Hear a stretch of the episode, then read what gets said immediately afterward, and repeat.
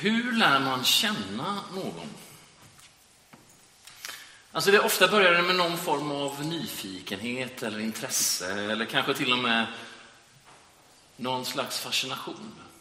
Men hur får man en relation till någon? Hur går det till? Jag kommer ihåg när jag hade fått förmånen att gå in på och vara med på en konferens. Jag jobbade med skolorganisation och inom Credo och så hade jag fått förmånen att vara med och så göra någonting spännande, nämligen vara med och tänka till och vara med och organisera och sköta det praktiska kring en stor evangelisationskonferens som skulle vara för alla Nordens länder på Ås stiftsgård. Jag var väldigt glad för det och kanske framförallt var jag glad för att Jonathan Lamb skulle komma och predika. Och han var en stor förebild för mig som jag gärna ville lyssna på. Så jag laddade inför detta och såg fram emot detta och sen kom den här dagen då äntligen skulle vara dags för Jonathan att prata och, och dela med sig. Och vi satt och åt tillsammans i matsalen. Det var full sal, stor matsal med massa, massa bord och massa folk. Och sen så reste sig nästan alla upp mangrant och gick till kyrkan för vi skulle äntligen. Och på vägen ut så stannar min arbetsledare, min Hans, mig och så säger han, ursäkta Daniel, skulle inte du kunna vara så snäll och ta hand om borden innan du går? Och jag tittar mig omkring och så ser jag liksom ett hav av bord, hur många bord som helst. Liksom. Och jag ser framför mig att jag kommer missa typ halva gudstjänsten, om inte hela ens. Och så säger jag, eh, jo, okej. Okay. Alla andra går ner till mötet som jag hade sett fram emot att vara med på så länge. Jag går in och tar en disktrasa, en skurink och vad det nu var och så ger jag mig ut och så börjar jag. Och så tar jag första bordet så ser jag här oändliga havet av bord och borden och så börjar jag liksom att skrubba. Och sen efter ett par bord så hör jag att det är någon som går och nynnar för sig själv.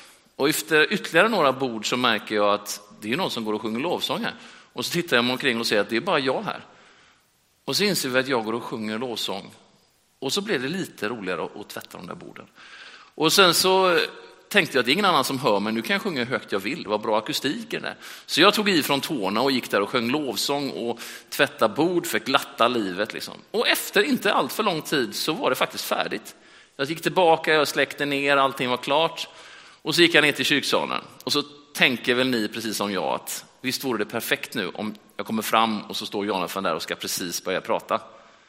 Och när jag kommer innanför dörrarna så står han där och han ska precis sluta och prata. Och så säger han amen och så går han och sätter sig. Och jag med. Och jag grämer mig lite över det där. Det var, eh, ja, för jag hade så gärna velat höra honom predika, jag hade så gärna velat höra honom prata. Jag var så nyfiken på att lära känna honom, jag hade läst en del av det han skrivit. Sen på morgonen så har jag morgonpasset, det betyder jag går upp först av alla. Och sen så gör jag ordning det jag ska och sen går jag och sätter mig först av alla på det här, alla fina borden som någon hade gjort väldigt rent omsorgsfullt. Jag njöt av det lite extra. Och så satte jag mig först av alla vid ett ensamt bord vid fönstret med utsikt ut över havet. Och sen sitter jag där med mina tankar och så hör jag alldeles snart någon som säger May I join you? Och så tittar jag upp och så står Jonathan där. Ja visst, säger jag. Och så sätter han sig bredvid mig och så börjar vi prata. Och så berättade jag för honom att jag var så ledsen att jag inte fick höra riktigt det han hade att säga igår. Och då sa han, jag älskar att prata, sa han. jag kan ta allt en gång till om du vill. Och sen så gick vi igenom och så pratade han och berättade för mig vad han hade hört. Och de andra kom nyfikna och satte sig lite bit ifrån. Och så satt vi där och pratade en och en halv timme till en lång frukost. Och det blev ett fantastiskt möte.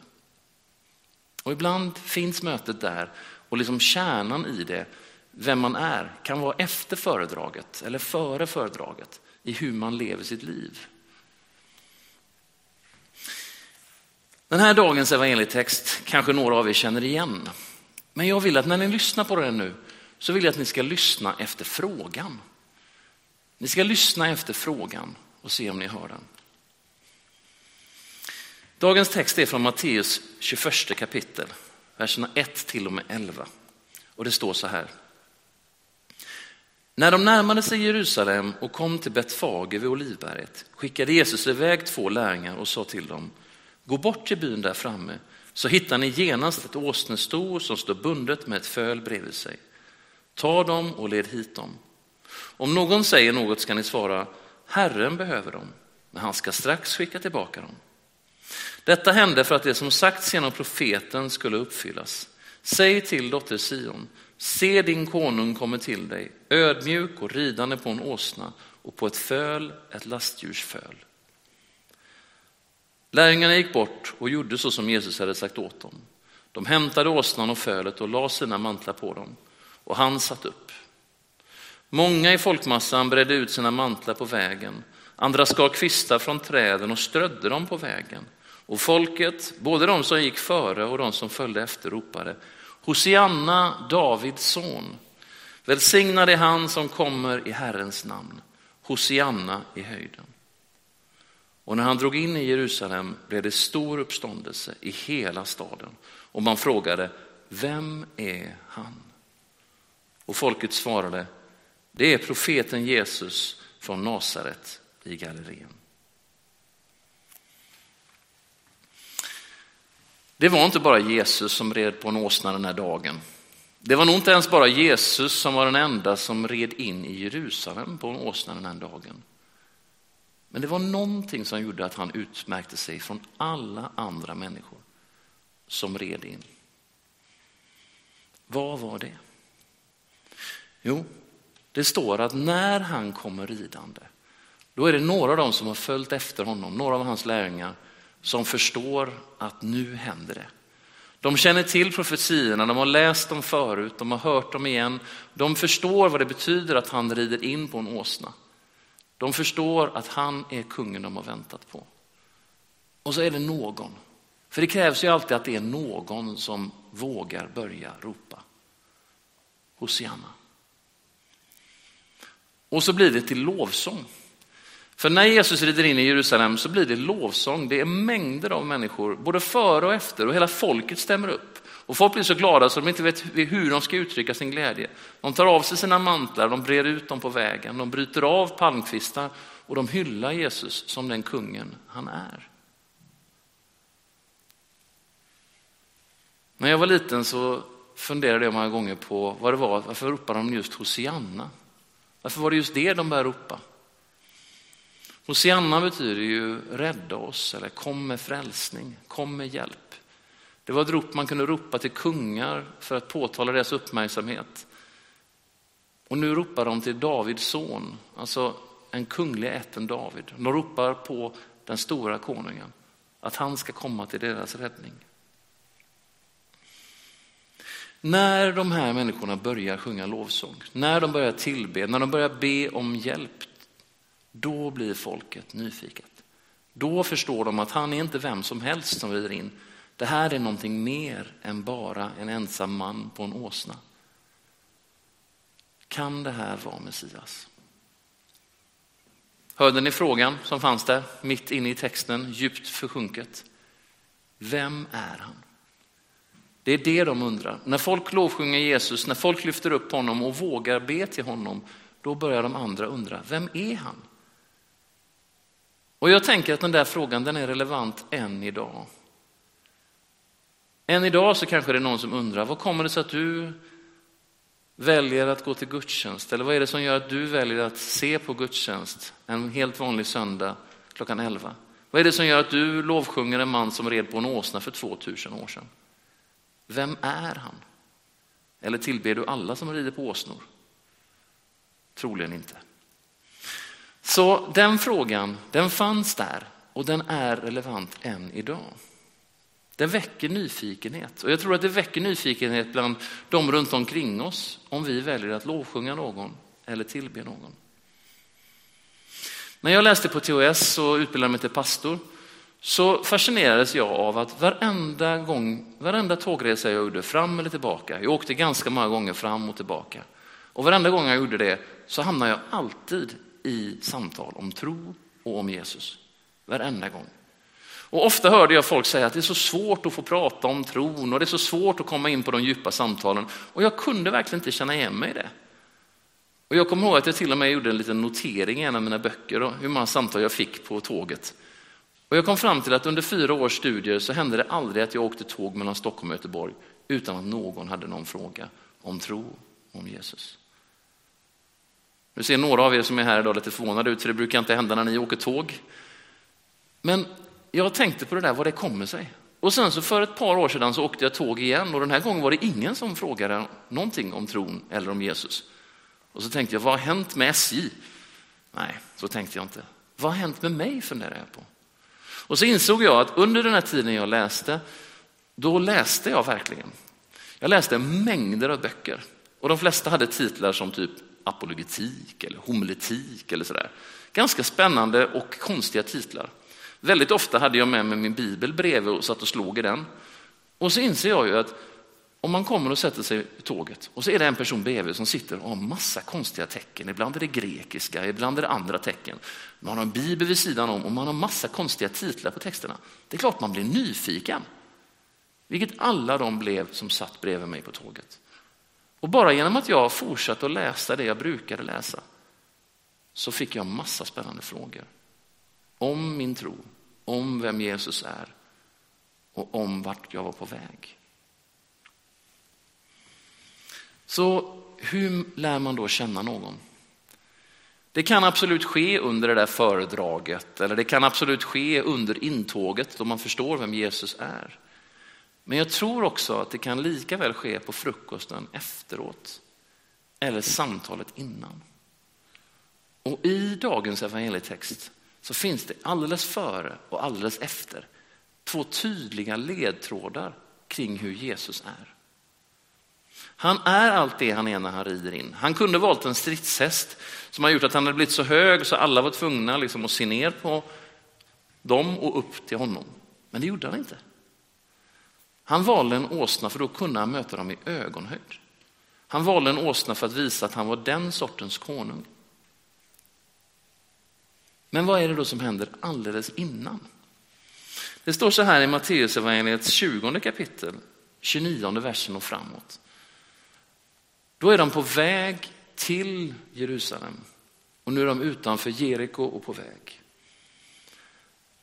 När de lämnade Jeriko följde mycket folk med honom och där satt två blinda vid vägkanten och när de fick höra att Jesus gick förbi dem ropade de, lyssna noga nu, Herre Davids son, förbarma dig över oss.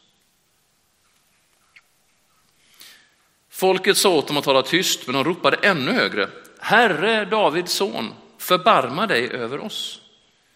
Jesus stannade och kallade till sig dem och frågade, vad vill ni att jag ska göra för er? De svarade, Herre gör så att våra ögon öppnas. Och Jesus fylldes av medlidande med dem och rörde vid deras ögon och genast kunde de se och de följde honom.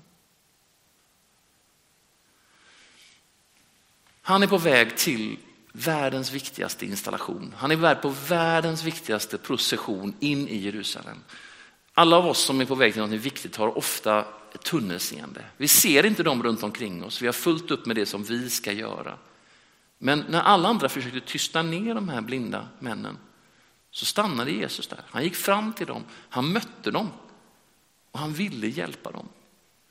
Och det var de som ropade först av alla, Herre Davids son, förbarma dig över oss. De ropade långt innan folket, eller hur? Det var de som gav röst åt folket. Och Jesus förutsatte inte att de ville ha hjälp för att de var blinda.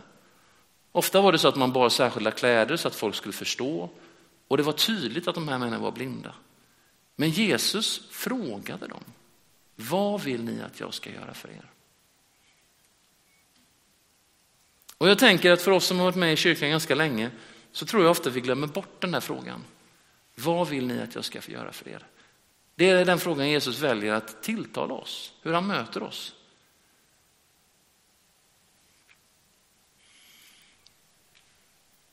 Och när de här människorna fick se, när de här två blinda männen fick se, då valde de att följa med. De fick se Jesus för hur han var och de ville följa med honom vidare. Kanske var det också de som var först att ropa Hosianna, Davids son, på vägen in i Jerusalem. Jag vet inte om du har gjort ett sånt här storslaget entré som Jesus har gjort, troligen inte. Men vad händer då efteråt? Tänk er själva, folket, både de som gick före och de som gick efter, de hyllar Jesus, de ropar Hosianna, alla människorna möts och tänker, vem är den här mannen som kommer ridande på en åsna? Vad är, det? är det han vi har väntat på? Är det profeten eller är det Messias? Vem är det?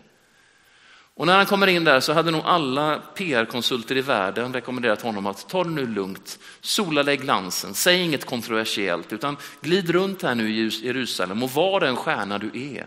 Liksom, gå på alla kändisfester, ät gott, ha det bra, säg inget kontroversiellt vad du än gör.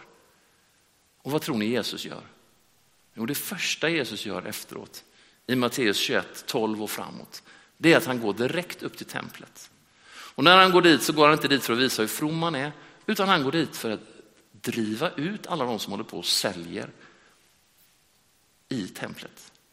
Han driver ut dem ur templet och templet var ju centrum och maktcentrum. Han driver ut dem ur templet och så säger han, mitt hus ska vara ett bönens hus. Han glömmer bort allt det där med att ta det lugnt och sitta still i båten. Han har ett uppdrag. Han vill möta oss och den blinda mannen alldeles innan, även om han är på väg någonstans där det är viktigt att vara. Han vill möta oss i ögonhöjd när vi går honom till mötes. Han tar emot vår lovsång och tacksamhet. Men han har också tid och mod nog att våga säga sanningen när alla andra vill att han ska vara tyst.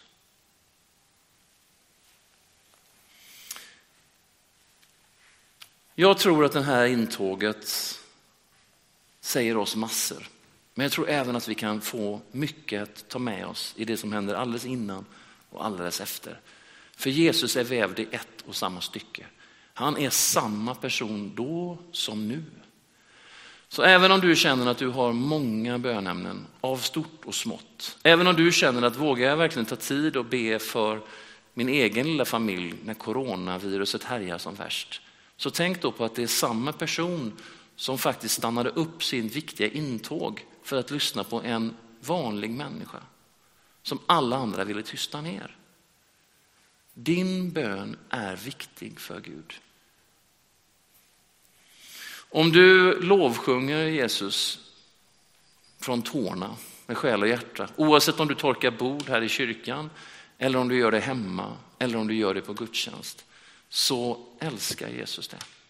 Och han gläds med dig i det. Och om du vill möta Jesus så kan du få möta en herre och mästare som inte möter dig som du förtjänar. Och som faktiskt sällan möter oss som vi tror att han ska göra. Utan som möter oss som vi behöver. Sådan är han som vi hyllar idag. Amen.